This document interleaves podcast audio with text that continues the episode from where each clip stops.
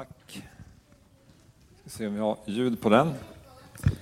Vi eh, vaknade nog alla och läste nyheter här i veckan och eh, inser att världen inte är likadan som den har varit. Det har varit några turbulenta år med pandemi och sen så, så händer det här då när, när Ryssland också invaderar Ukraina och jag kände liksom att det här berörde mig direkt på, på lite olika sätt. Jag tror att det berör dig och oss en del av den rädsla som jag hade som barn för, för världsläget och oroligheter liksom kände jag bara puff, puffade upp lite sådär snabbt.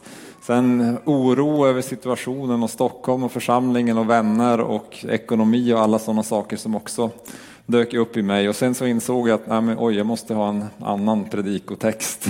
tala om något annat än det jag skulle tala om.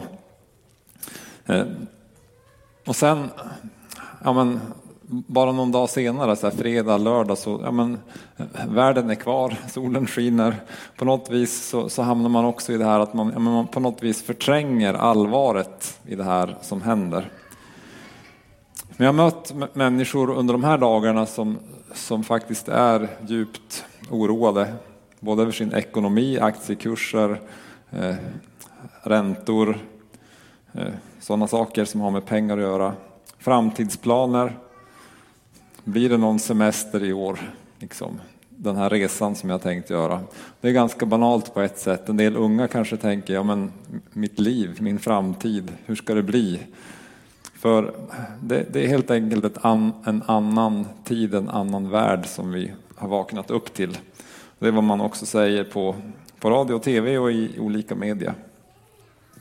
I morse, jag vet inte om det, här, om det var en profetisk dröm eller något, men jag, men jag vaknade med en dröm som var väldigt tydlig så här. Och just om att vi är tror jag, på väg in i en ny tid. Och, drömmen var så, att det var två dörrar. Det var en liksom dörr till dåtiden och en dörr till framtiden. Och så fick jag två mappar. Så var det liksom instruktioner till dåtiden och instruktioner till framtiden. Men, men den där äh, liksom dåtidsdörren och de instruktionerna, den mappen var stängd och den dörren var stängd permanent.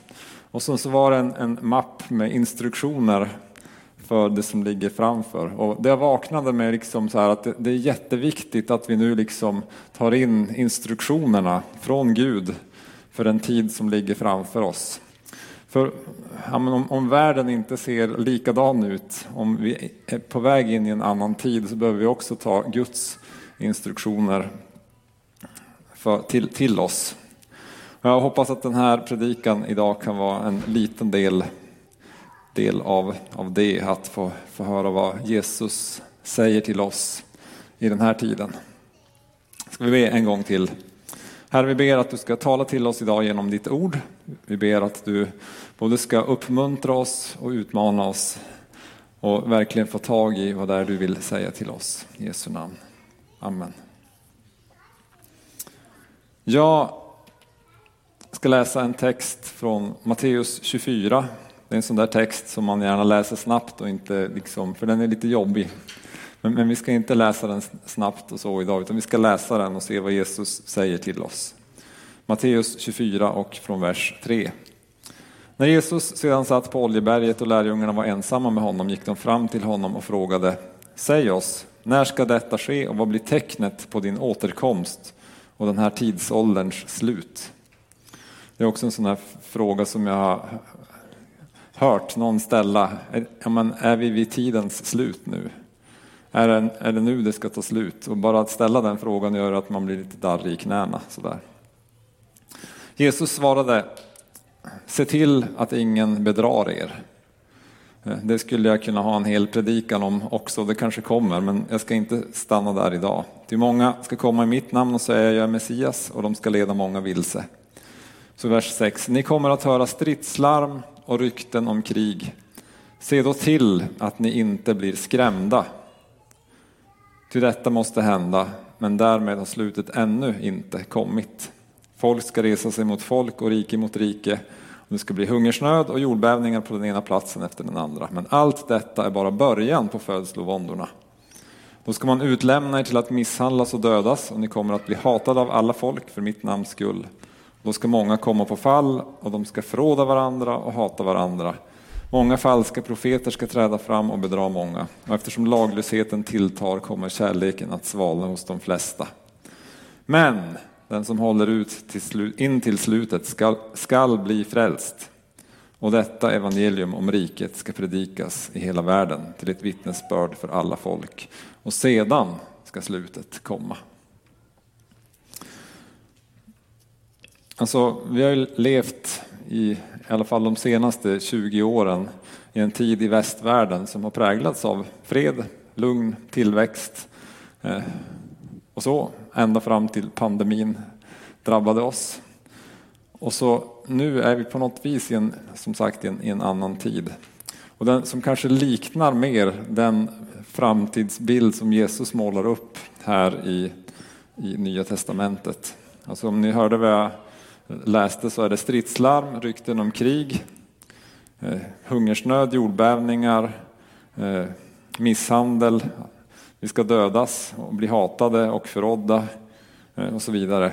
Alltså, det är ju ingen sådär superupplyftande eh, text. Vi kan vi vara överens om det.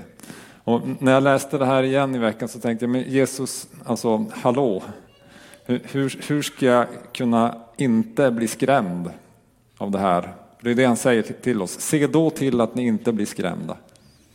Hur, hur ska jag kunna se till att inte bli skrämd av det här?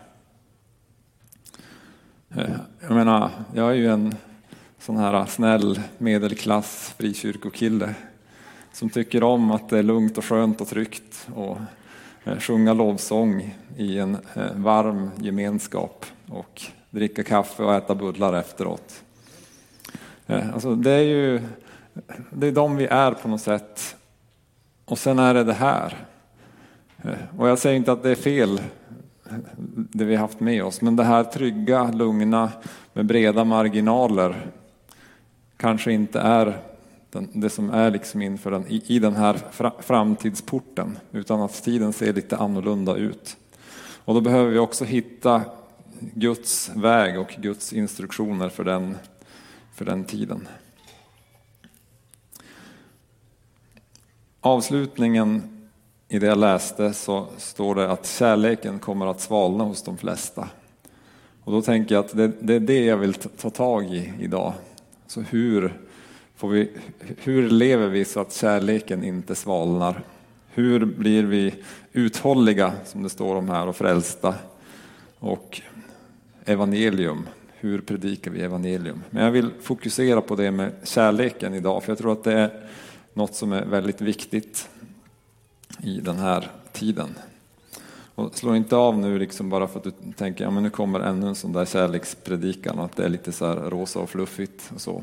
Eh, för det, det, är inte det, jag ska, det är inte det jag ska säga och jag tror inte att det är det Gud vill säga till oss. I första Johannes fjärde kapitel, vi eh, undervisaren den, hela det brevet här under hösten, men jag vill komma tillbaks till den här texten från första Johannes 4 från vers 11. Och det här blir liksom bara så lite så vers för vers eh, kommentarer kring vad Johannes skriver, för jag tror att han har något att säga till oss. Vi börjar med vers 11 och 12. Mina älskade, om Gud älskade oss så högt är också vi skyldiga att älska varandra. Ingen har någonsin sett Gud.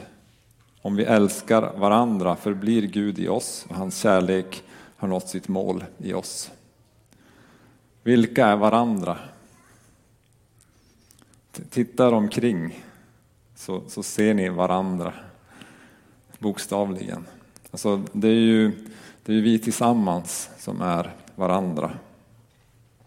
Älska varandra så förblir Gud i oss, skriver Johannes.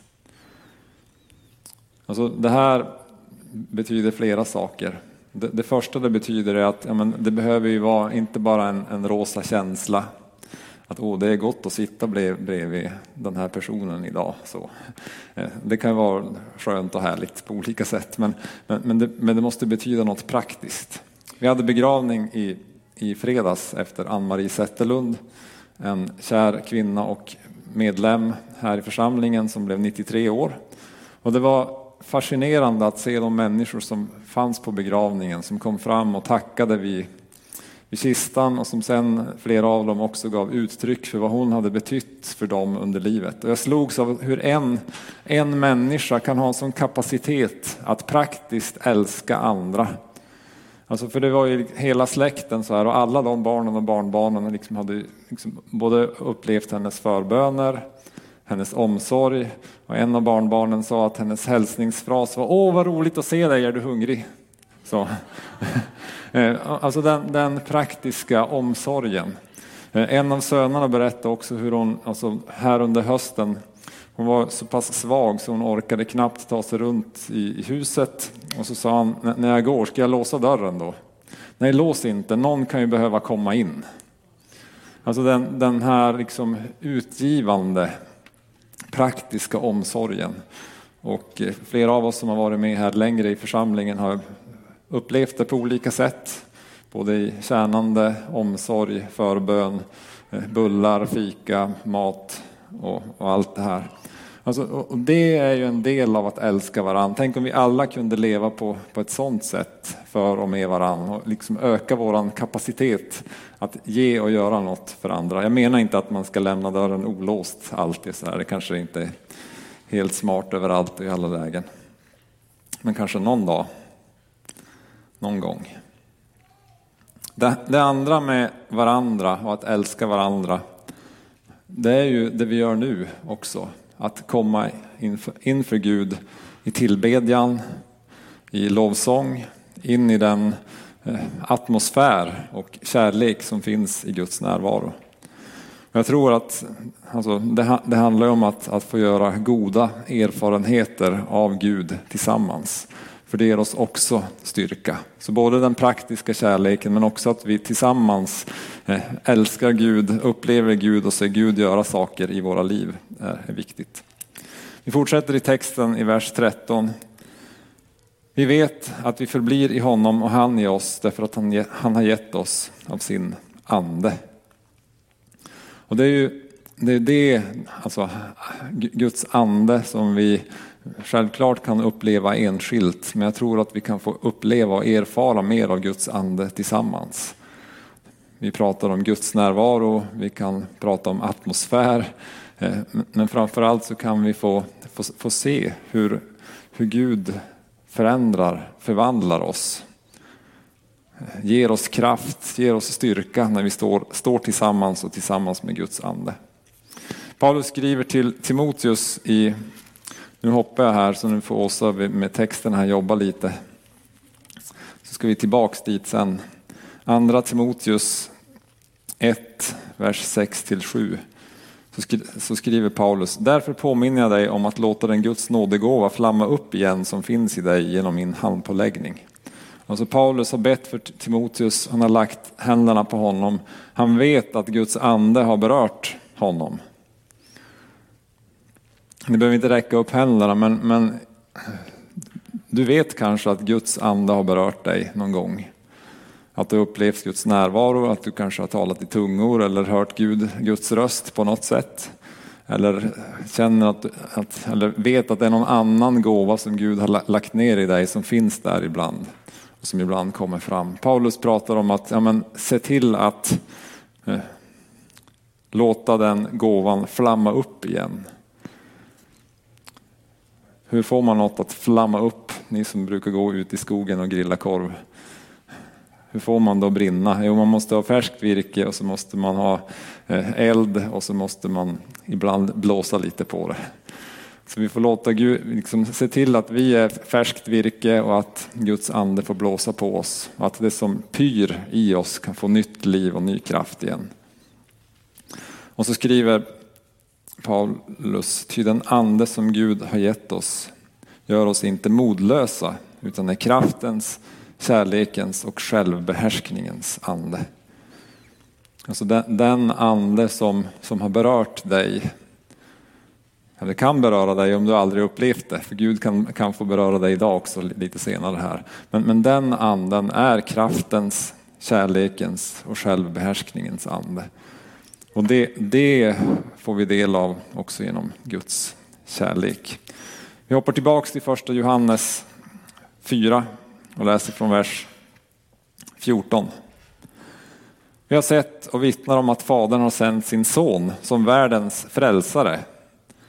Den som bekänner att Jesus är Guds son, i honom förblir Gud och han själv förblir i Gud. Här staplar Johannes några liksom väldigt stora ord att Eh, Jesus som är sonen är världens frälsare. Jag tror att alltså, det är otroligt viktigt att vi förstår det när vi är i den här tiden som vi är nu. Att det är Jesus som kan rädda världen. Det är Jesus som kan rädda dig och mig. Det är bara Jesus som kan rädda oss. Eh, både här och nu, precis som vi hörde att han kan liksom få bomber att inte explodera och kulor att vika av i fel riktning. Men han kan också rädda oss för, för evigheten. Johannes använder också den här intressanta formuleringen att Jesus är Guds son. Och det är ett sätt på den här tiden att liksom en, en, omskrivning för att han är kejsaren. För det var kejsarens titel, Guds son. Att Jesus är den som faktiskt har makten. Både att han är Guds son på riktigt men också att han har den titeln att han är kejsaren. Alltså till och med högre än den romerske kejsaren på den tiden. Och i våran tid högre än Putin och Biden och andra makthavare. Det står också här, den som bekänner att Jesus är Guds son, i honom förblir Gud och han själv förblir i Gud. Så bekännelsen, och bekännelsen är ju förstås kopplat till tro. Att, ja men, okay, ja, men jag, jag liksom kapitulerar inför Gud, inför Jesus och tror att han är Herre, tror att han är Guds son och är beredd att liksom underordna mig det, lägga ner mitt liv inför honom och bekänna det. Och då säger texten att han förblir i Gud och Gud förblir i honom. Alltså att vi får kontakt med Gud när vi tror att Jesus är Guds son. Så an, både anden, sonen och fadern är viktiga i den här, i den här texten som handlar om, om, om kärlek, att, att eh, älska varandra, att hålla kärleken varm. Vers 16 säger, och vi har lärt känna den kärlek som Gud har till oss och tror på den. Ty så älskade Gud världen att han utgav sin enfödde son för att var och en som tror på honom inte ska förgås utan ha evigt liv. Att Gud älskar oss och att vi ser Guds kärlek bäst och mest på, på korset. När Jesus dör för våran synd, när han tar på sig vårat straff, när han övervinner, övervinner döden och övervinner synden. För att vi skulle få gemenskap med Gud för att vi skulle kunna få eh, leva räddade, friköpta, befriade, helade och kunna leva utan att bli skrämda i den framtidsbild som Jesus målar upp.